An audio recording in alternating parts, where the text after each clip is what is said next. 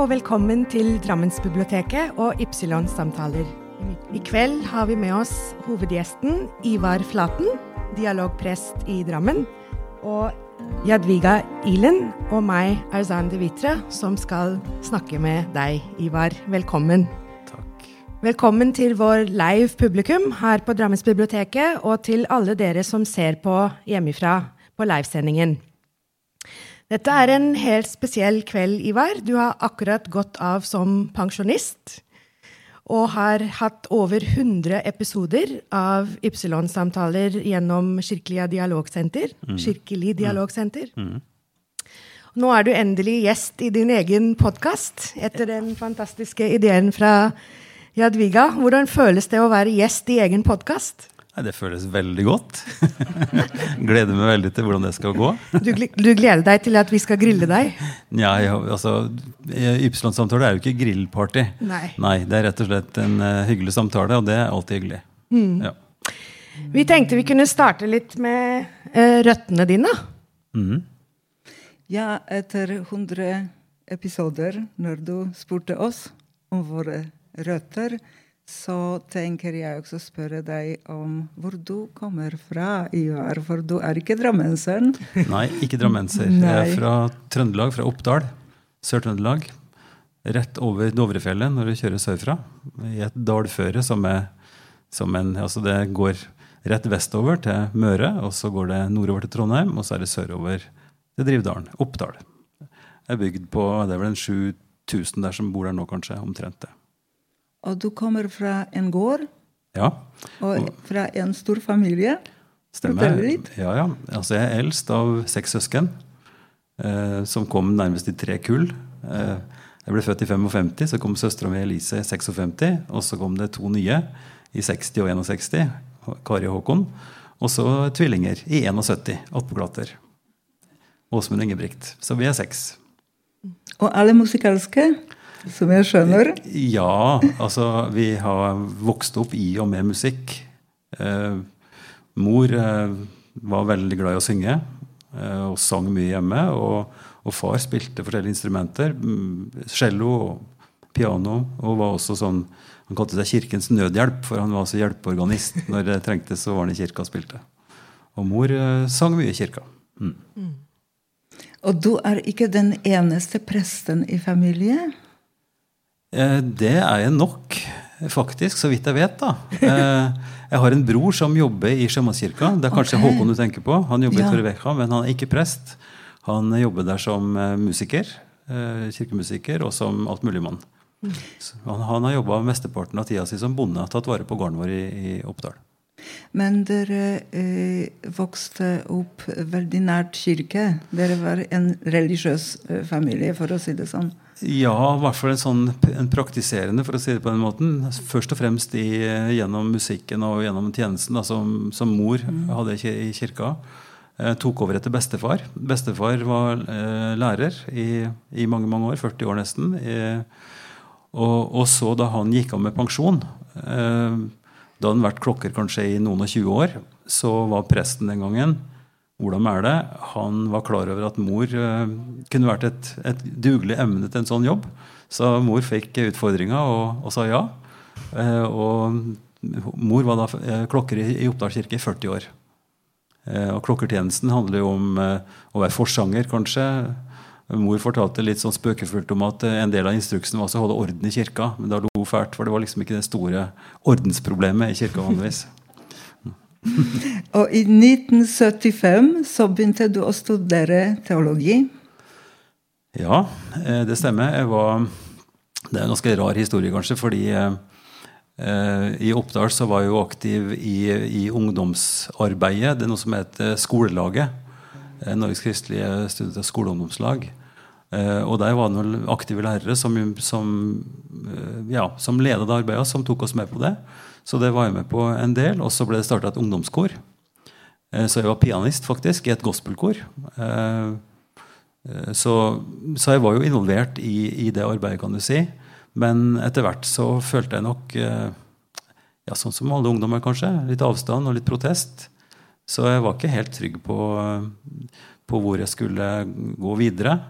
Det som var mest, mest, fristende for meg, og som var nærliggende, egentlig, det var jo Jeg har lyst til å gå på, på Nansen-skolen, altså Humanistisk Akademi. Jeg syns det så veldig spennende ut med både undervisningsfag eh, Det er en folkehøyskole, men, eh, men altså det kaller seg Humanistisk Akademi. Og det gnissa jo fælt i ørene på, på bestemor og bestefar, som var indremisjonsfolk. Eh, ikke bare gnissa, det var liksom nesten eh, en umulig tanke. Mm. Så, så, da ble det at jeg fikk dra til Sagavold, folkehøgskolen i Gvarv i Telemark. Det var i 74. Så etter at vi var ferdig med, med gymnaset, som da var et korrespondensegymnas Det var ikke et gymnas i Oppdal den gangen, men vi fikk støtteundervisning og tok alle faga per brevkurs med NKS. Så kom jeg til, til Sagavold, og det ble en sånn åpenbaring av av nye nettverk og, og, veldig veldig interessant og morsomt, eh, morsomt eh, ja, fellesskap. Internat, ikke sant? Og, og flinke lærere. Og, og, jeg satt og, jeg husker jeg satt på biblioteket i, over en korøvelse. For jeg var ikke med i kor da. Jeg har ikke vært aktiv som sanger eller sånt før det. Men da jeg hørte den korsangen, så, så følte jeg at mm, dette skal jeg prøve. Mm. Så fra da av har jeg vært uh, engasjert òg i i det å bruke stemma liksom, i, i, korsang. Eh, og i sang i det hele tatt. Mm. Så det skjedde på Sagavold. Så Sagevold var nok en, en, start. Og da ble vi også engasjert der i Dette var en kristelig folkehøyskole, sånn at vi, vi fikk ble utfordret til å ha andakter og, og sånt. Og jeg ble vel ansatt da, som, ansett som et talent i sånn måte. Så rektor Marton Leine han han støtta fælt opp om at vi skulle dra på Menighetsfakultetet, som var en teologisk skole. Mm. Så der var vi fem stykker som dro til, til, teologistudier, og fem som begynte på kristendomsstudier. Det var ti stykk. Så det var en sånn videreføring av, eh, av fellesskapet mm. på Folkehøgskolen som gjorde at jeg kom på teologisk studium. Ja. Ja. Bra start, men du fullførte ikke? Nei, jeg fullførte ikke. Og det er nok noe av den samme tvisynet eller tvilen eller altså følelsen av at jeg ikke kunne ta det ansvaret. Altså for, for, for, teologien altså Menighetsfakultet er jo en presteskole. Så etter studiene der så er jo poenget at da, da er du kvalifisert for å bli prest i Norske kirke. Mm. Eh, og det var jo den på en måte det de fleste brukte den studieerfaringa til. Ikke alle, men mange. Og der pingla jeg ut, rett og slett. Jeg følte at det var for mye og for stort krav, eller for vanskelig, eh, å skulle ta ansvar som en åndelig leder for, eh, for en menighet. Så hvor gammel var du da, Ivar? Åh, sånne spørsmål bruker jeg å stille til kona mi. Hvor gammel var jeg da? Nei, jeg bare lurer på Hva var det som gjorde at du ikke følte at du Nei, altså, var tilstrekkelig jo, altså, Jeg var på folkehøyskolen. ikke sant? Da var jeg ferdig med gymnaset. Jeg holdt et år på folkehøyskole og begynte på teologien. Mm. Eh, og da holdt jeg på der i kanskje to og et halvt år. Så da var jeg vel et par og tjue, da. Eller 21. Ja, noe sånt. Ja. Um, og jeg husker jo det første året. altså Det er noe som på en måte starta veldig tidlig. Vi, vi, satt, vi fem da, med vennene som har begynt på teologien.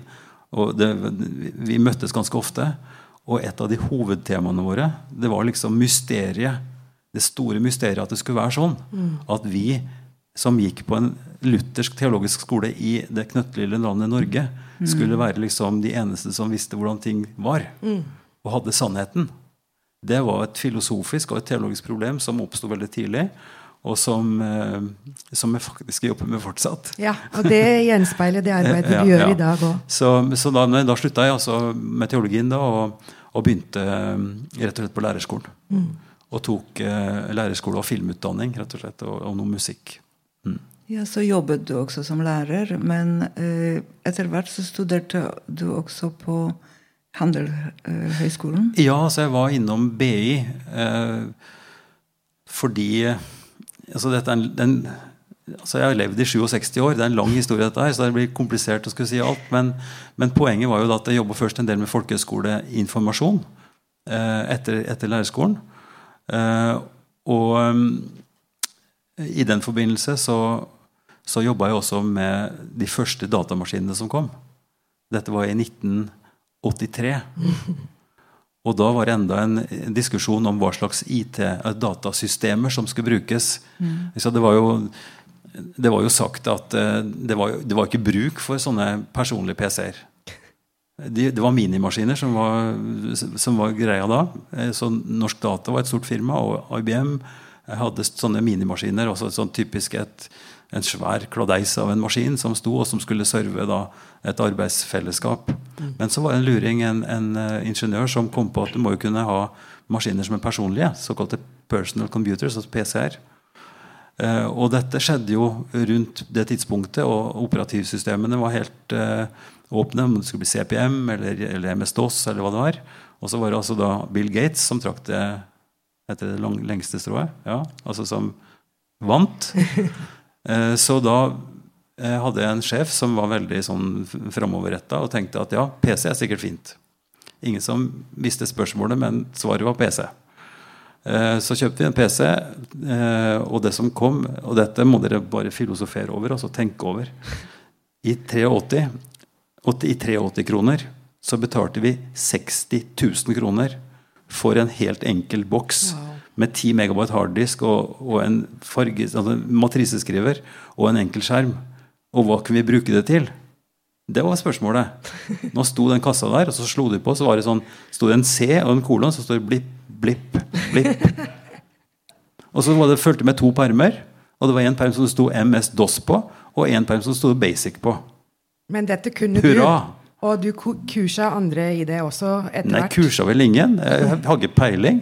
Jeg bare visste at dette var sikkert fine greier. Så, det, så etter hvert så fant vi ut at det var noe som heter regneark. Lotus 123, som jeg begynte å, å utforske. Fantastisk redskap til budsjettering og sånt. Og noen databasegreier. Så jeg kunne bygge kartotek og sortere og, og lage systemer. Mm. Så dette starta i, i 83, og dette tok jo av, slik at etter hvert også startet min egen bedrift og, og begynte å å selge ting. Mm. Eh, altså selge programvare mm. til, til, bruk for administrasjon i skolen.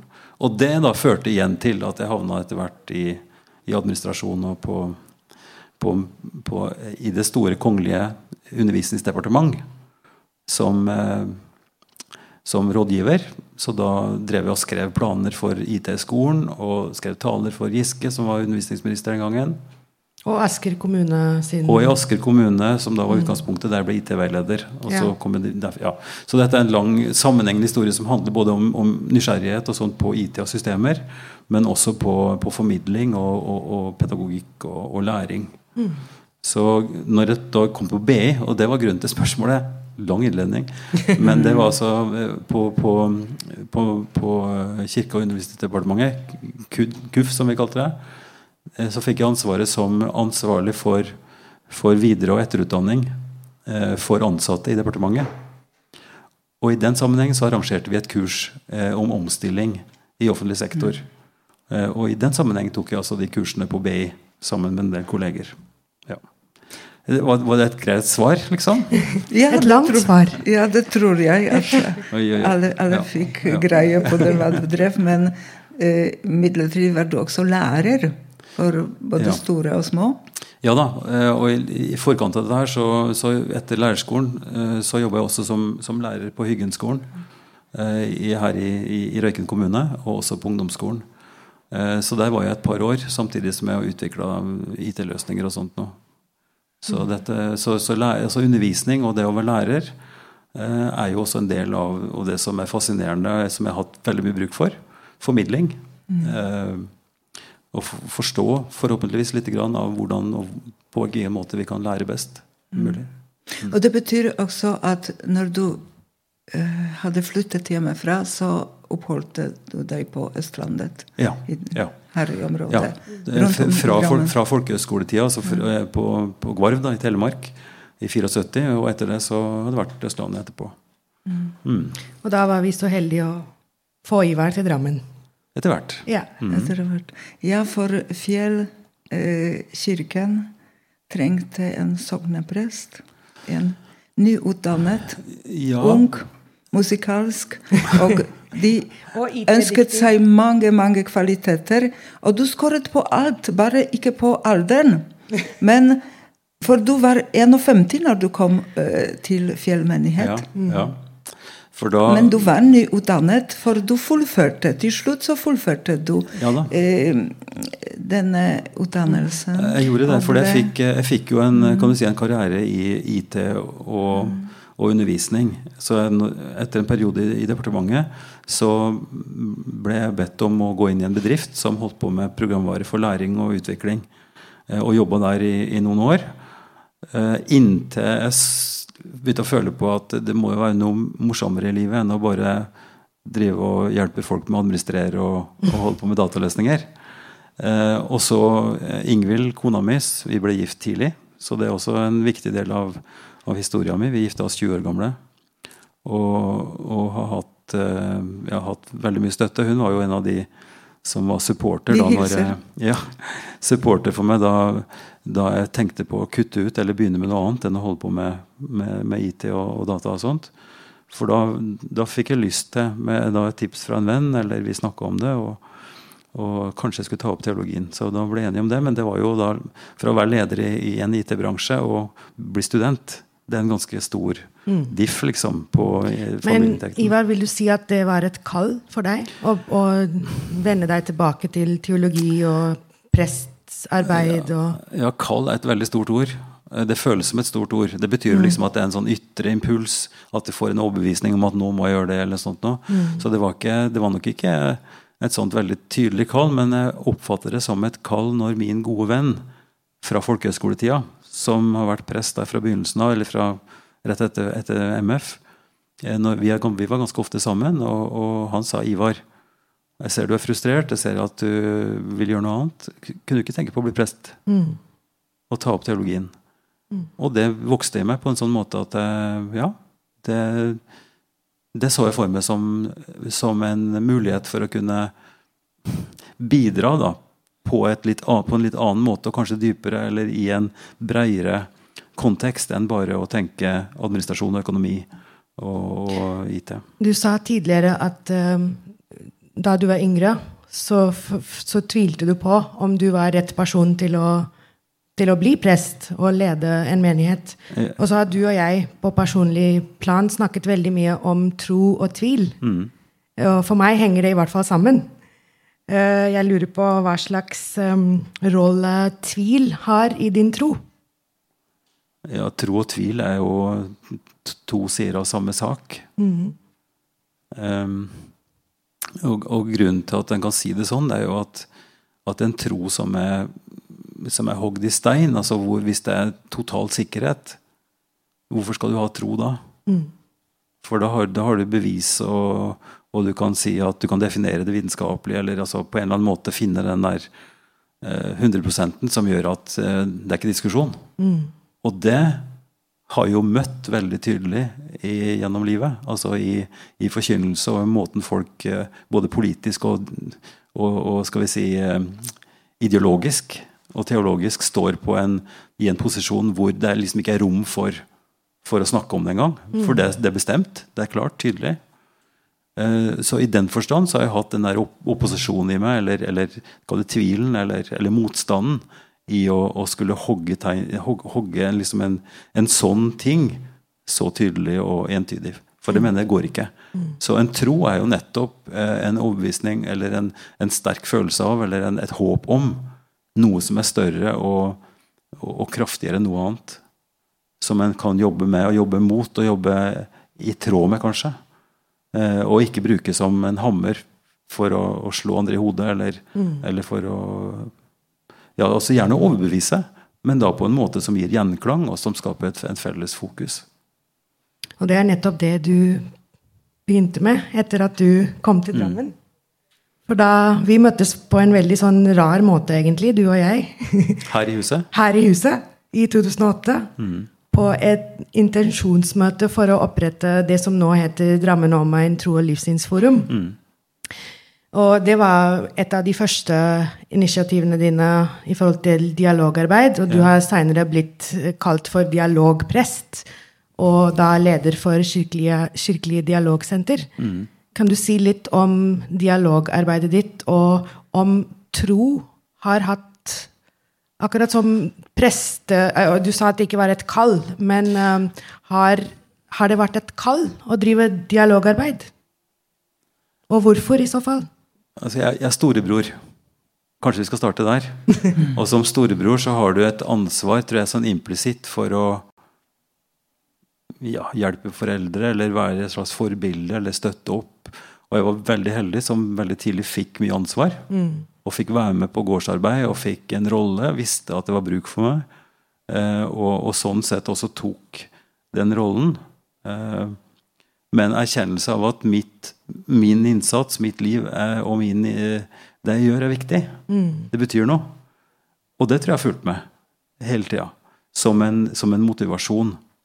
Og etter eh, åra på, på, MF, altså andre gangen, når jeg skrev en, en masteroppgave, eller en, en stor oppgave det, sånn, det, heter vel ikke master, men det er en del, et, et stort, et stort uh, arbeid. Hovedoppgave. Ja, hovedoppgave. Ja. Mm. Så skrev jeg den om, om, healing og helbredelse. For jeg var veldig fascinert av det som er erfaring så hos veldig mange. En erfaring om at det skjer ting som på en måte ikke eh, passer med vitenskapelig tenkning. Mm. Og det er et svært felt. Og det var masse hubba bubba. Mye rart. Veldig mye rart.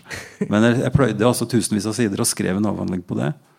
Og tenkte kanskje For jeg vet jo at, at tro og, og, og overbevisning og, og, det som skjer både i berøring, altså terapeutisk berøring, men også når en, en, en, en viser varme og omsorg ved ja, berøring og, mm. og omsorg og, og, og det, som, det, som, hører med inn i denne tilhelingsprosessen. Da. Så tenkte jeg at kanskje skal min rolle i, i teologien og i prestetjenesten også ha noe med, med, helbredelse og healing å gjøre. Mm. På hvilken måte utspiller det seg i Nei, og, det dialogarbeidet? Ha, jo, men det har noe med, med dialog å gjøre, tenker jeg. fordi da, det, det, Av og til så har vi gudstjenester der jeg, der jeg inviterer folk til å kunne komme og knele, og at jeg kan be med håndspåleggelse. Fordi at den berøringa betyr noe. Eh, I tillegg til, til forbønnen. Men, men, det som jeg har sett nå i etterkant, hvis jeg skal være litt høytidelig og bruke litt store ord på det, så er det kanskje altså det dialogarbeidet vi driver med, som har med forsoning og, og tillit og tillitsbygging og samtale og alt dette som ligger i dette kjølvannet, kanskje har det noe med, med en slags helbredende arbeid eller, eller, et grunnlagsarbeid for at et samfunn skal være sunt. Mm. At det likevel har noe med, med, med helhet mm. og, og, helbredelse å gjøre. Uh, og sånn sett vil jeg jo si at, at det er et stort, uh, et stort, og tydelig kall som vi har alle sammen. Ja, om å bidra til å bygge et samfunn som er trygt. Og, ja, jeg ville si, er du ikke enig, Jagvida, at uh, Drammen har blitt et sunnere samfunn etter at du ble dialogprest? Det vil jeg påstå. For du har alltid stått for mangfold. Du har alltid stått for at vi skal kunne snakke sammen. Etter hvert så etablerte vi også Drammen Sacred Music Festival, som, var, som hadde som intensjon å være en, bro, en uh, brobygger. Mm. Ved å bruke musikk og kunst og andre kunstneriske uttrykk. Mm. Så du, du, har alltid stått på for det. Stemmer ikke det? Jo, altså det, jeg kan jo si noe som er ganske interessant. fordi ble, Det heter å bli ordinert når jeg er ferdig utdannet teolog så blir jeg kalt av biskopen, og det er jo et kall. Mm. Og biskopen sier, at, eh, og sier Ivar, eh, jeg trenger deg i en tjeneste i Drammen. Og jeg vil at du skal bli prest i Strømsø og Fjell sogn. Eh, men for at, for at, du skal få den, få den, jobben, så er det noe som heter ordinasjon. Og da kommer biskopen og mange prestekolleger, og så er det en ordinasjonsgudstjeneste mm. hvor, hvor, den presten som var inne i tjeneste, blir bedt for med håndspåleggelse. Og det er også en gammel tradisjon som har med Vi snakker om paven ikke sant? Og, og, og, og suksesjon helt fra Peter. At håndspåleggelsen og forbønnen er en kontinuerlig kjede. Slik at en får en utrustning. Får en, en indre Den hellige ånds kraft, noe som snakker om men hele den, altså den gudstjenesten og den, den, ordinasjonen skjedde den 8. januar i 2006. Mm. Og det var mens karikaturstriden var på det aller heteste. Ja. Så jeg tenkte ofte at jeg er blitt ordinert inn i, inn i den settingen. Altså inn, inn, i et, inn, i en slags konfliktsituasjon hvor det var behov for. Og takk og pris så ble jeg jo invitert av muslimske venner på Fjell ja. i februar i 2006. Mm. For å snakke om hva vi kunne gjøre for å unngå de konfliktene som vi så rundt i, i, i landet. Det, så sånn sett eh, er det en sammenheng her. Det passer veldig fint i det jeg skulle inn i nå, mm -hmm. som jeg tror blir mest interessant for, for, kanskje for de som er her. Okay. For du snakker om um, uh, å bli ordinert, og hvilken rolle det å være prest er. Og så gjorde jeg et Google-søk på deg. Da kom det 102, nei, skal vi se, 102 000 treff på 0,48 sekunder på navnet Ivar Flaten. Og den, det andre treffet var følgende.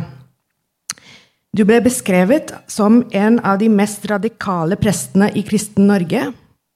Raddisteologen. Multikulturens ypperste prest.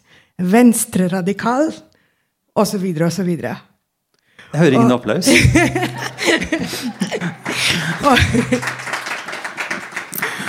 Um, strider det Altså, hvordan, hvordan forholder du deg til disse til det, alt det her som jeg siterte nå fra en har, du hørt artikkel? om, har du hørt om kildekritikk? Ja, det har, jeg, det har jeg. Jeg vet hvem som har skrevet det her òg.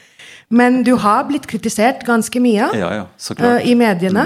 Uh, du har vært uh, midt oppi mange kontroversielle saker. Jeg kan nevne dem, men jeg tenkte du kan kanskje velge Ja, selv hva som har vært mest utfordrende for deg, og hvordan du har takla det. Hvordan du står i det, og hva du står for. Altså, jeg, tror, jeg tror vi kan gå helt tilbake igjen til min spede ungdom. Og det som vi snakka om, om tro som en veldig fasttømra og, og entydig ting. Sant? At sannheten er én, og sannheten er hos oss. Og alt som truer den sannheten, og som kan tenkes å bryte ned og svekke det, er farlig. Og når en da i, i, i vårt land, og i Norden for så vidt også, har en århundrelang tradisjon med en enhetskultur og en statskirke og en, en, en, en luthersk religion som til og med var grunnlovsfesta, ikke sant? Og, og så videre, så er det lett å forstå at det er en tradisjon for å tenke at, at her må vi passe på og hegne om vårt. Og at det da fort kan bli både angstbitersk og, og, og truende når en oppfatter da, og gjennom, gjennom avisskriverier og, og vinkling oppfatter at f.eks. islam eller andre trosretninger er til skade og en trussel. Når det kobles med konspirasjonsteorier om en slags jødisk, eh, eh, eh, undergrunnsbevegelse som er laga for å ødelegge Vesten osv. Altså, det er så utrolig mye. Og, og det interessante er jo at de miljøene som da kommer opp først i den feeden som du søker om, det er jo et slags konglomerat av personer som både er islamfiendtlige, som er vaksinefiendtlige, som At du kan liste opp alt mulig så, som blir en sånn svær haug av konspirasjon og, og ganske mørke ting. Og da blir jo spørsmålet hvor mye skal han bry seg om det? Hvor mye skal vi bry oss om Ja, at Stian vi- kommer på lørdag, da, Ivar? Ja, det skal vi absolutt bry oss om. Og det, det vet jeg at det er fryktelig mange som bryr seg om, og det blir spennende å se hvordan det blir. Men der Hva er det- din uh, Nei, oppfordring altså, til folket? Nei, jeg hadde jo et møte her hvor vi diskuterte, hvor vi diskuterte klokke, kirkeklokker og bønnerop. Mm. Og da var det jo de fire vennene da fra Sian som satt på første benk Ja. Eh, i den podkasten. ja. Og samtalen etterpå den ble ganske interessant, og det ble jo et oppslag i avisa som ikke tok med seg det som vi snakka om, nemlig at metodistkirka her i byen har klokketårn og klokke som aldri er brukt. Mm. Av hensyn til nabolaget. Av hensyn til majoriteten som da kunne bli sinte. Mm. Så det som var interessant i den samtalen, var jo at vi kanskje kan se på sånne problemstillinger som en majoritet-minoritet-problematikk mer enn en religiøs problematikk. Ja. Kom det noe om det i avisa? Nei. Det som kom i avisa, var at en av Sian-folka da trua eh, menighetsrådslederen i Fjell ikke sant? med at hun kommer til å bli halshogd hvis islam tar over. og sånn. Så vi har et problem også da i, i det større mediebildet pga. clickbait og måten en skriver om ting på. Men tilbake til hva en gjør, altså, eh, og hvordan en skal reagere på dette. Det er, utrolig, det er utrolig tøft å bli utsatt for en sånn skittstorm som kommer når en engasjerer seg og kanskje sier ting som blir vinkla på andre måter enn en hadde tenkt. Mm. Eh, Jeg kan være spesifikk på det, men jeg tror ikke vi skal si noe mer om det. Men, men det, det ble en veldig slitsom sommer i fjor. Ja. Eh, En, en ødelagt sommer, egentlig. Mm. eh, På grunn av dette. Og det ble svære oppslag i, i mange aviser, og både innenlands og utenlands. Men nå kommer de igjen, da. Hva, hvordan skal vi forholde oss til Nei, altså, jeg, har ikke noe lyst, jeg har ikke noe lyst til å snakke om Sian, for jeg er ikke verdt det. Nei, så bra. Nei, rett og slett. Eh, Og så blir det opp til oss voksne, eller voksne. Folk som, som vet hva dette dreier seg om, om eventuelt å stille opp der og, og sørge for at det er ro og orden. Og hvis det blir bråk, å gå. Og hjelpe de som, som syns det blir for vanskelig, og så hjelpe de til å gå også. Ja. Um, og så kan, kan vi snakke med Sian-folk og med andre som har meninger. Det kan vi godt gjøre, men ikke på en sånn måte at det blir, at det blir et ødelagt eh, bybilde og knuste butikker og skada folk. Så, nei, så, men, men det som kom ut av det altså For min del, hvis vi snakker generelt, ikke noe om Sian bare, men det som skjer i sosiale medier når en sak virkelig tar av um, det som slo meg, og som vi bør tenke på som, som samfunn, det er hvor utrolig krevende det er å stå i Politikere, f.eks. Som må stå i en sånn skittstorm hele tida. Og hvor krevende det er, eh, må vi bare fantasere om. Jeg fikk prøve litt av det i fjor. Men I Men forhold til den i forhold til den saken som Det det var i, i forhold til en, en dialogvenn som, Ja, som gjorde noe ganske så utrolig dumt. Mm. Eh, og så ble det masse, masse greier på det. Og Men- da til, fikk du kritikk, eller DHTL fikk kritikk, da? Ja, så det, det blir jo det fordi at en prøver å forstå. Og En skal ikke prøve å forstå, vet du. Når noen gjør noe dumt, så skal han eh, si at det var dumt, og så skal han snu ryggen til. Og så skal han ikke eh, bli forbundet med dette. Så prøve å, å tenke dialogisk og tenke praktisk på hvordan kunne noe sånt skje. Mm. Det blir veldig feil. Ja. For da blir du slått i hardkorn med det vedkommende, og da er jødehater og anti... Har du troa på dialogarbeid? Har, syns du at det har gjort en forskjell i Drammen? Ja, naturligvis har jeg det. Det er jo ikke noen annen mulighet. Men at det, at det hele tida er et spørsmål om å Og da tenker jeg både på kall og tro. At, at en holder fast i troa på at, at det faktisk nytter. Sjøl om, selv om det blir to skritt fram og så ett tilbake, og noen ganger ett fram og to tilbake. At vi hele tida er i en prosess hvor, hvor det vi gjør, og det vi holder på med, har betydning. Og mye større betydning enn det vi kanskje tror. Ja. Men at det går langsomt, det må vi jo si. Ja. Og nå når du er pensjonist, Ivar, så har jeg eh, eh, et god råd til deg. Når eh, media skal spørre om eh, kommentar til Sian-saker, så eh, ønsker jeg at du skal eh, svare at med betingelser. Nå er jeg pensjonist, og jeg kan velge.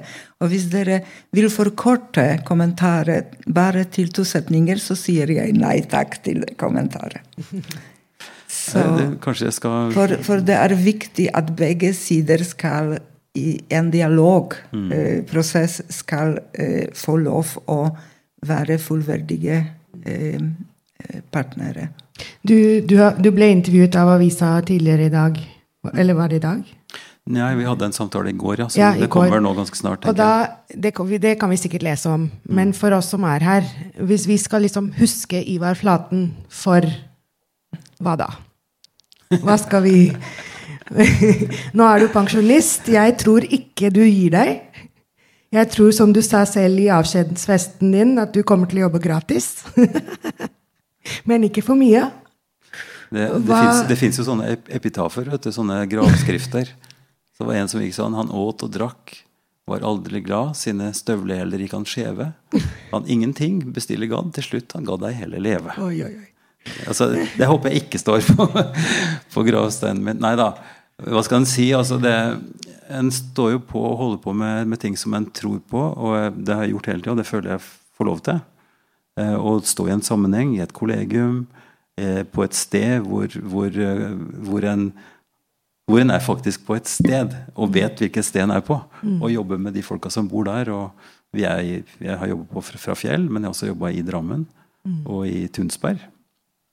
Eh, og også på norsk, altså på nasjonalt nivå. Eh, sånn at vi, vi kan være stolte av at vi er en nasjon som, ja, som blir synlig i en type fredsarbeid gjennom Nobelinstituttet, ikke sant? Nobelprisen. Og, og det å kunne ja, være litt modig på det. At vi, vi Ja. ønsker å bidra til, en, til et større gode gjennom arbeid også i kirka. da. Jeg husker at du var ganske overrasket da du fikk Eller du sa til meg i hvert fall at du var ganske overrasket at du fikk uh, Brobyggerprisen på Olavfest. Hvorfor var du det? Hvorfor var du overrasket? Nei, fordi jeg ser på hvem som har fått den før. Eh, og at det, det er en veldig veldig flott klubb å komme i. Eh, med, med, mennesker både innenfor kulturfeltet og ja, i, mange steder som har betydd virkelig mye. Så det er klart å få den anerkjennelsen er jo eh, det er jo veldig sterkt og veld, veldig overraskende. Når du får en sånn telefon, så er det, da bør du sette seg ned. Jeg satt heldigvis, da. Det var i hvert fall vel, vel, ja. veldig vel fortjent, Ivar. mm. Og før fikk du ikke voldsprisen fra Norges kristenråd? Ja, det, det, er flere som står bak den prisen. Det er Holtekilen folkehøgskole, het heter før. Nå heter det ja, det har fått et annet navn, men en, av folkehøgskolene sammen med Baptistforbundet i Norge og Norges kristne råd. De tre til sammen har institusjonelt hatt en sånn en pris etter Martin Luther Kings minne. Eh, og, og når jeg fikk den også, så var jo det så klart veldig både overraskende, men oppmuntrende òg. At en, et, et, arbeid blir sett i den konteksten. Ikke bare som, som teologi eller, eller, eller, samfunnsbygging, men også freds, mm. eh, freds- og ikke-voldsarbeid. Og det stemmer jo ganske godt. Gitt den situasjonen da, ja, med, med, med, den konflikten som oppsto, og kan oppstå også hvis en puster til, det, til de glørne som kan oppstå i religiøs, eh, religiøst sinne eller i, i motsetninger. Mm. Også Drammen kommune uh, viste takknemligheten for din kulturengasjement. Ja, det, det, blir litt mye der, syns jeg nå. Men, men, men, hvis jeg tenker på det som også litt tilfeldigheter uh, som, Den som er synlig, den som blir synlig på en eller annen måte, kommer jo i søkelyset også for å kunne komme i posisjon til å få sånne priser. Så Noen ganger så tenker jeg at det er nokså urettferdig, for det er så mange som kunne ha fortjent en sånn pris. Det er så mange som jobber. Vi er, vi er så mange som er på lag. Mm. Eh, så Derfor så er jeg nesten mest fornøyd med en pris som du, dere ikke har nevnt, men vi fikk en frivillighetspris på Fjell. Yeah. Kommunens frivillighetspris. Mm. Og det betyr mye. Mm. Å bygge opp et, et, fellesskap av folk som bruker fritida si for å være med på å bygge. Mm. Det er betydningsfullt. Vil, vil, du si litt om, om menighets... Altså, en felles venn av oss sa at uh, Ivar, det er ingenting han vet bedre enn gudstjeneste og gudstjenesteliv og gudstjenesteutvikling. Hvorfor betyr det så mye for deg, menigheten og gudstjenesteliv? Så menigheten er jo en det, det, Menighet er et slags uh, odiøst begrep. Det. det er noe negativt. Du har liksom en menighet, det er de som liksom er sånn klokkører eller som står og klapper og er på en måte en sånn klubb. Men sånn er det jo ikke. En, etter luthersk skikk så er jo en menighet faktisk også et område. et geografisk område. Eh, og så er det et fellesskap av folk som ønsker å bidra. Som ønsker å tilknytte seg et fellesskap og være en del av fellesskapet aktivt. Mm. Sånn sett så er jeg veldig stolt av å være en del av Fjell menighet. Jeg bor i området og er en del av Fjell menighet. Eh, og vi tidlig Eh, etter at jeg ble prest der, så, så, ble vi enige etter et forslag fra en engelsk venn som var på besøk. Mm. Eh, og i det møtet husker jeg veldig godt, vi satt og snakka om hva slags visjon. Vi skulle prøve å samle en slags fokus på hva vi skulle være og jobbe fram mot. Og da ble visjonen at Fjell kirke er et møtested for alle. Og det har vært førende, tror jeg, for alt det som vi har gjort, menighetsrådet har bidratt med, og det vi som stab har prøvd å gjøre. At vi skal være et sted som er åpent, og som er eh, inkluderende, og som gir folk en god følelse for å komme dit. Eh, og hvor gudstjenesten er en del. Og uten gudstjenestelivet så ville det ikke vært noe for kirke. Altså Kirka er jo bygd fordi at det er et gudstjenestested. Eh, men ikke bare det. Eh, men jeg bare får svare på spørsmålet ditt, hvorfor jeg er så glad i gudstjenesten. Jeg syns det, jeg det, er, det, er, ganske rart å tenke på det. fordi at det blir jo framstilt noen ganger som litt sånn abstrakt og litt sånn fjernt, kanskje. Og, og litt for formelt. Det er noen sånne gamle, rare ledd. Mm. Kyrie, liksom. Kyrie Eliassen er det noen som sier, men det er ikke det. Det er Kyrie Eleison. Ja. Eh, og vi har disse leddene som, som, blir gjentatt. Men det er en del av en urgammel tradisjon. Mm. Dette er jo, det er jo gresk utgangspunktet, da, men det er en del av en gudstjenesteordo. Altså en, en, en oppdeling av den seremonien som heter gudstjeneste, som har sine faste ledd. Mm. Med en åpning hvor presten står med sin prestedrakt og sier eh, ikke sant, eh, 'Nåde være med dere', og fred fra Gud vår Far og Herren Jesus Kristus. Åpningen. Invitere, omfavne folk. Og da står presten der i prestedrakt, og er ikke Ivar, men er presten. Mm. Er rett og slett Kristus, på en måte, ikke sant? for menigheten. Og så går det ledd for ledd, med lesninger, med, med nattverdfellesskap, bordfellesskapet, og utsendelsen, som er det viktigste. Hva, hva sa du var det viktigste? Utsendelsen. For da står presten Og det er liksom en sånn setning som en kanskje kunne tenke er bare en sånn avslutning, men det er ikke det. vet du. Det er det viktigste i hele gudstjenesten. Gå i fred, Og tjen tjen Herren med glede. med glede. Mm. På latin så heter det lede missio. Mm. Ikke sant? Utsendelse. Det er fint, det er bra at dere er her. Veldig bra. Og hvis dere har fått litt pep til å kunne gå ut og gjøre noe fornuftig, så er det det som er poenget. Mm. Ikke sant? Og se stort på det.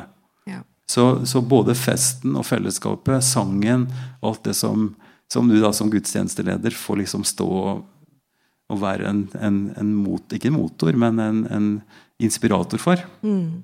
det er dypt meningsfullt. Og det har jeg jo opplevd siden jeg var bitte liten. Da satt jeg vel mest og telte kvister i taket og sånn, men, Men det er mange som ikke kommer i kirken. Det er dumt, vet du. Ja, jeg vet det. Eller det kan være det. Veldig dumt. Men for de som ikke kommer i kirken og ikke hører, hører den derre gå og tjen Herren med glede Nå sa jeg det sikkert feil, Mm. Nei, du sa det riktig. Uh, uh, hvis, du skulle, hvis du skulle nå dem nå via den podkasten, hvordan kan vi som drammensere tjene samfunnet vårt? Det Og gjøre en det forskjell. fins en million måter. Det fins ikke en one size fits all. sant? Det er ikke sånn det funker. Mm. Nei. Og det er derfor vi har den rikdommen også. Drammen er vel den byen som har flest såkalte frimenigheter, eller, eller kristne konfesjonelle Hvis vi går bort fra det religiøse nå Jo, men det for det er mange mange som ikke identifiserer seg med det. Ja, ja, men så har du partipolitikk, og så har du Sannhetskvinnene, og så har du Røde Kors, og så har du Altså du har en flora av ting som sivilsamfunnet, eller som vi som, som samfunn har. Nabolagsaktivitet. Altså det å kunne invitere ungene inn på, på vafler, eller ha en nabolagsfest. Altså det er så Som dere gjør med Galtrud, f.eks. ja, jo, Ja. men altså, hvis du tenker allment på det nå, ikke, ikke det, som kirke, sånt, men, men som samfunn, så er vi Hvis vi aksepterer det faktum at vi ikke er alene i verden, Mm. hvis vi aksepterer at vi er født kanskje til og med med en hensikt, at vi ikke er for ingenting Ja. I indisk filosofi så kaller vi det for dharma. Altså det, Ja, det ja. av vårt kall. Hva er vi født til å gjøre? Ja. Å finne ut av det kan jo ta hele livet, men at en vet at en er her av en grunn, og at en ikke er bare for sin egen del, og at en har et utadvendt blikk for å finne ut hva en faktisk kan bidra med eh, i smått og stort. Og kanskje i smått. Ikke være så sabla pretensiøst på at det skal være så svært at en skal løse verdensproblemer og sånt. For det klarer vi jo ikke. Og noe av det som plager meg kanskje mest, eh, det er jo at vi står overfor så utrolig store, store problemer. Nå har vi krigen i Ukraina, og vi har en sånn geopolitisk ganske spent situasjon. Og så har vi IPCC-rapporten, som har sagt noe veldig dramatisk om klimautvikling. Så bildet er ganske svart. Og da er det to muligheter, eh, som jeg har lært både hjemme og, og mange kloke venner, som sier at da kan du enten eh, Det drastiske er å gå og skyte deg, for det er ikke noe vits. Ikke sant? Eller du blir apatisk eller kynisk og bare snur ryggen til og sier at nei, nå skal jeg bare sånn, et og drikk, eh, for etter oss kommer syndfloden. i den stilen der. Det er den ene varianten, som er logisk og forståelig. Den andre varianten er å si at ja, men det betyr faktisk noe hva jeg gjør, sjøl om det er bitte lite. Ja. Den lille eh, innsatsen som jeg gjør for naboen min, eller bidrar til et eller annet i samfunnet som skaper litt håp, som, som bidrar til noe positivt, Ja. det er ekstremt viktig. Og det er kanskje det viktigste av alt, at en ikke tenker at det betyr ingenting hva jeg gjør. Det er en stor og stygg og svart løgn. Den må vi glemme, og den må vi snu oss bort fra. Og ikke, og ikke være redde for å, å si det. At 'nei, men jeg er her'. Hva kan jeg gjøre for deg? Du er her, ja. Det Vi var i ferd med å miste deg. Mm. To ganger. Du er faktisk her, og det er vi veldig takknemlige for. Men eh, vi var, var i 2020, rett før festivalen, 19. 19, Mm. at du fikk et veldig, veldig kraftig hjerteinfarkt, husker jeg. To dager før uh, Drammen Sacred gikk av gårde. Og da ble vi skikkelig redd og skremt. Og Ja. trodde vi Altså Nei, og så skjedde det nå igjen i påsken. Har du englevakt, eh, prest Ivar? Nei, jeg fikk, eh, jeg fikk eh, spanske bomberos i en, et helikopter. Så er det, er det helsevesenet, eller er det englevakt? Ja, nei, du kan ikke skille det, vet du. Nei. Det er to sider av samme sak, det òg. Ja, det mener jeg. Det, men har alle englevakt? Skal vi ha håndsopprekning? Finne ut hvem som tror det ene og det andre. Det er jo et håpløst spørsmål. Og det er jo, da da er vi inne på det ondes problem. da. Og vi sier at noen har englevakt, og noen har det ikke. Hva slags, hva slags gud skulle det være? Hva slags system skulle det være? Det er en annen kategori. altså Det er noe annet. Og um, Nei, det som, det som er bombesikkert, det er jo at når vi har fått det fantastiske livet i gave, som eh, Hva slags, hva slags flaks er det, da? Hvis en har den sånn minste peiling på hvor mye sperm som ute og går når du skal ha det ene, ene treffet. Nei, altså, nei så, så, at vi har fått livet så, eh, i gave, så vet vi at vi skal dø en dag. Og, og, det er jo ganske enkelt, da. Eh, når du blir eldre, så er jo sjansen Altså, det nærmer seg jo hele tida. Og sykdom og ulykker og alt mulig skjer jo hele tida. Så det, altså Evert Taube har jo rett. altså Det er jo en rasende tur at vi lever. Eh, og, og, så, og jeg er kanskje heldig da, på en måte at jeg ikke har den der eh, Jeg har ikke noe angst, eller jeg er ikke redd for å, jeg er ikke redd for å dø. Og det er ikke noe sånn det er ikke noe sånn kristelig, åndelig greie, men jeg, jeg føler at, at det går bra. Altså, når, når dagen er der, så får det bli sånn. Så det er jo, det er jo når jeg ble sjuk i 2019, så var jo sjokket størst for de nærmeste. så Ja. klart. Jeg, skj- jeg, visste jeg skjønte jo ikke noe. Jeg bare var litt irritert på legen som ikke fikk ut fingeren. tenkte jeg, Så jeg lå jo bare der, og ingenting skjedde. Og da var den stenta ferdig uten at jeg merka noen ting. Ja. Nei, altså, så Vi må gjøre så godt vi kan så lenge vi er her. Og det er uklart hvor lenge det kan være. Ja. Men tilbake til fjellkirken, som heter nå Austata fjellmenighet. Mm. Det er ikke bare gudstjeneste som gjelder der. Det er den store kulturprosjekt. Eh, fjellkir- fjell, Austata fjellkirke heter Kulturkirken. Mm. Og det er mye kulturelt som skjer der. Ja, det, det Og var- det er takket deg. Nei, det, det stemmer ikke helt. For, for Ja. uh, dette, var, dette var en profil som, som kirka allerede hadde bestemt tilbake i 2001, tenker jeg. Per Åre Ekeland, eh, som har vært en kraft i det arbeidet i, i alle år, fram til og med nå. Eh, og sammen med Galina som, eh, som eh, kantor og, og noen andre. Så de hadde et fokus på å bygge relasjoner til kirka ved å åpne opp for annen aktivitet enn bare gudstjenester. Og det har jo blitt utvikla videre gjennom åra. Sånn at en har nå en, eh, jeg vil si laga et godt et godt renommé, eller har en plass hvor vi vet at du får kvalitetsmusikk og, og sånt i, i kirka. Så det er jo det ene. Det andre er jo det musikktilbudet som, som Galina har bygd opp for barn. Gummimusikk. musikk. Musikk. Ikke sant, Som også er et middagstilbud, hvor man kan komme og Og så har du eh, vafler og, og suppe til elevene på skolen. Det er også, alt det der er jo en del av den der visjonen om å lage et møtested for alle. Eh, og så har vi fått inn Forandringshuset, som er jo en stor gave. Ungdomsarbeid. Eh, ja, og dialogarbeidet, som er en del av, av Og ikke minst integrerings, eh, stor integreringsarbeid. ja, så det, det er, en, det er en, veldig stor eh, og mang, mangsidig virksomhet med veldig mange frivillige og en svært kvalifisert stab som, som gjør en kjempejobb, som det er veldig moro å være en del av. Eller har vært en del av. etter Og det fikk vi høre på Var det søndag? På avskjedsfesten din. Mm, Mm. Du fikk så mange gode ord der, Ivar. Og nå nærmer vi oss slutten av den Vi har snakket i nesten en time nå. Så vi, må, vi kunne ha snakket i flere timer, tror jeg. Eh, Men vi må avrunde. Og takk for en, det du har vært, og den Nei, den du har vært, og det du har gjort og fortsatt gjør.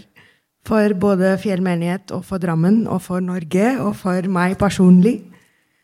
Og tusen takk for ditt bidrag, og lykke til i, som pensjonist. Men jeg, som jeg sa i stad, jeg tror ikke du gir deg helt. Nei, nei da, jeg har ikke tenkt si, å gi meg. Før vi slutter, si litt kort om hva du ønsker å og, Hvordan blir pensjonisttilværelsen din nå? Eh, vi har hatt det ganske hyggelig nå, har vi ikke det? Ja? Ja. Jeg har fått prata mye. Jeg har fått, jeg jeg har fått prata mye. Det betyr at jeg er fornøyd. Nei da. Jeg tenker at eh, samtale eh, Altså dialog betyr jo gjennom ord, eller gjennom gjennom konsept. Å snakke gjennom på ja, gresk. Ja, ja, Uh, og derfor så er jeg jo veldig glad for den podkasten som vi nå, nå lager en episode til. Eh, og det har jeg fått lov til å fortsette med. Så jeg kommer til å, å ha sånne ukentlige samtaler videre. Ja. Og det er også mange andre interessante ting i forlengelsen av det. Vi drømmer jo om altså Jeg er også heldig å få blitt en del av, av ledelsen, eller i styret til bykirka Strømsø. Som nå er en fristilt uh, kirke, som ikke lenger er en sognekirke. Og der er vi en gjeng som tenker å bygge både kulturprogram og, og samtaler og sånt nå. Uh, og der har jeg lyst til å være med og, og gjøre noe med det. Og du fortsetter med festivalen, håper jeg? Og festivalen, den uh, er det vanskelig å, å si nei til. Ja, det var bra. Ja. Nei, så jeg håper at folk eh, merker seg det, at, at det er den 13. utgaven nå som starter 17.9. Mm. Det blir også fint. Nei, men eh, jeg syns dere deres- eh, dere har vært flinke. Er, vi godkjent som, godkjent som som samtaleledere? Ja, ja, Vi kan ta over etter at du ja, ja, gir deg. Det tror jeg nok absolutt kan gå bra. Mm. Tusen takk for samtalen. Takk skal du ha, Ivar. Og Og- velkommen til eh, pensjonistgjengen. og ikke minst frivilliggjengen på eh, Austata fjellkirken. Mm. Tusen takk til dere som har eh, vært her i publikum, og til dere som ser på live. Eh, alle episodene av Ypsilon-samtaler finner du både på Kirkelig dialogsenter sin side og Spotify. Og andre strømtjenester. Alle Ja, strømtjenester. Kan bare søke på Ypsilon-samtaler, Ja. så er det en egen webside. Ivar har da ledet eh, ja, over 100 nå, er det vel. Og både Jagvida og jeg har eh, vært intervjua av deg selv. Vi har blitt grilla. Jeg vil si grilla, altså. Okay. Det vil jeg. Ja. Men uh, tusen takk. Og nå åpner vi for uh, spørsmål fra publikummet. Hvis du vil stille et spørsmål, så må du komme her til scenen, og så er det en mikrofon her som du kan snakke i. Er det noen som har meldt seg?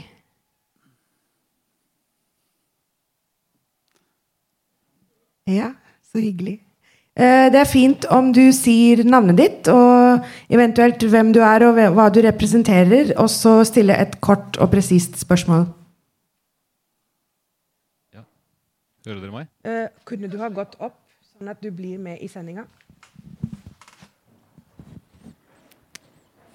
Ja. Ja. Takk. ja. Tusen takk til alle. Det var veldig hyggelig å høre deg. Jeg hørte ikke den historien før, men det er alltid noe nytt jeg hører om deg. Og det er veldig spennende. av alle tider. Eh, mitt spørsmål til deg Hvis du kunne snudd tiden og så tenkt på deg selv som 20-åring Og den erfaring som du har i dag, du har det som 20 20-åring, 20 Eh, ville du valgt det samme som du har valgt i dag?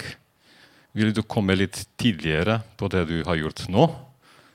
Og hva er eh, eh, beskjeden til eh, ungdom? Er det bedre å tenke på materialistisk eh, del? Eh, F.eks.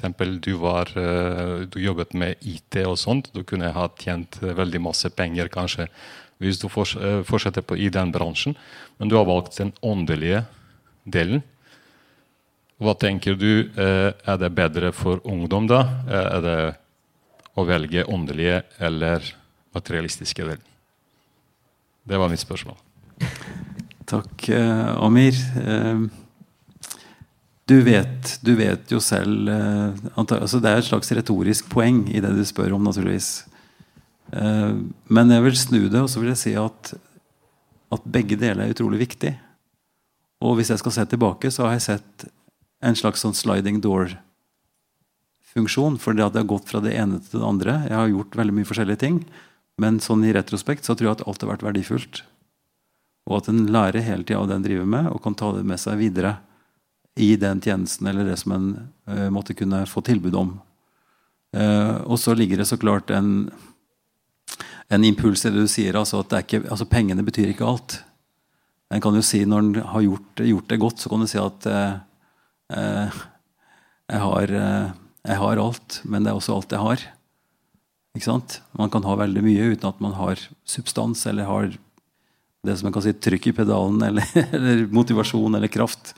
Og jeg tror at eh, å finne et yrke og en, en mening i livet sitt som, hvor en føler at en får gjort noe som har noe betydning, at en, at en tjener et fellesskap, og gjør noe som betyr noe for andre, det tror jeg kanskje er det, det mest grunnleggende. Og så husker jeg tilbake og vet at jeg var aldri så sikker på noe som helst som jeg var da jeg var 18-20 år.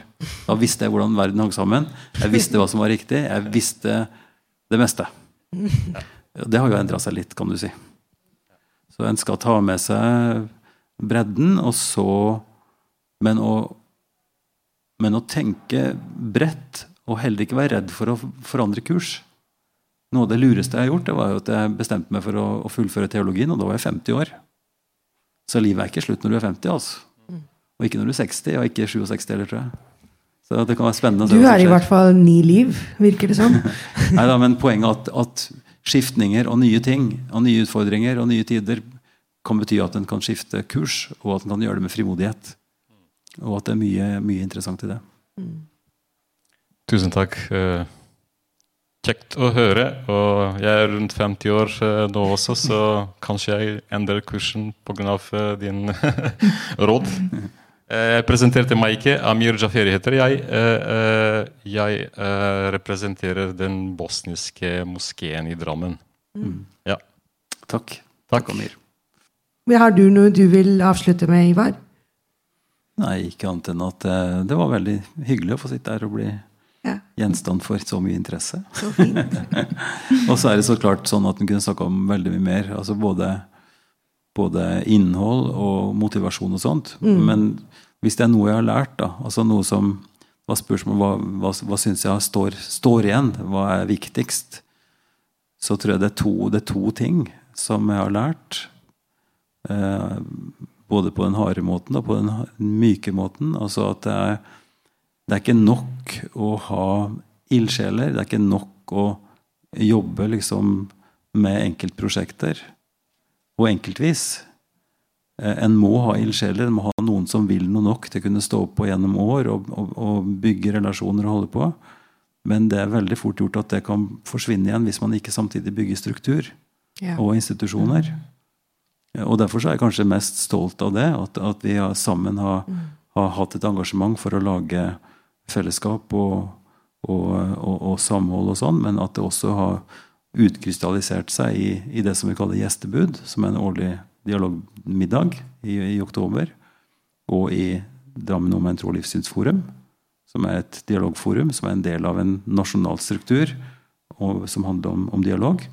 Og, og, Drammen om en, nei, og Drammen Secret Music Festival, som er en, en kulturfestival og en brobyggerfestival i september, som nå går for 13 året. Og det er også veldig interessant nå å legge merke til at, at vi har en prosess for å kunne bygge ut det der til å bli en internasjonal uke, hvor flere aktører blir med. Ja. Så nå er vi i prosess med Næringsforeningen og, og andre som vil være med på å bredde ut skal vi si, det, det internasjonale preget for byen, og, og samarbeid på tvers. ja. Med andre ord så pensjonerer ikke Ivar seg. Så nei, men uh, takk for Takk for Takk samtalen, for samtalen. og takk til alle Tusen som takk. møtte opp i dag, og til dere som så på hjemmefra. God kveld. Podkasten Ypsilon-samtaler ble starta i januar i 2020, og nå har vi runda 100 episoder. For dere som har lyst til å høre på noen av de tidligere episodene, så er det bare å slå opp på www.ypsilonsamtaler.no. Der det er en oversikt over alle som har vært med, både med en liten video og tekst, og da tilgang til podkastsamtalen. Podkasten er støtta av Barne- og familiedepartementet, av IMDi gjennom Drammen kommune og av NR Juels legat. Vi er glade for tilbakemeldinger. Send gjerne en e-post til Ivar, krøllalfa, kirkeligdialogsenter.no. Vi høres.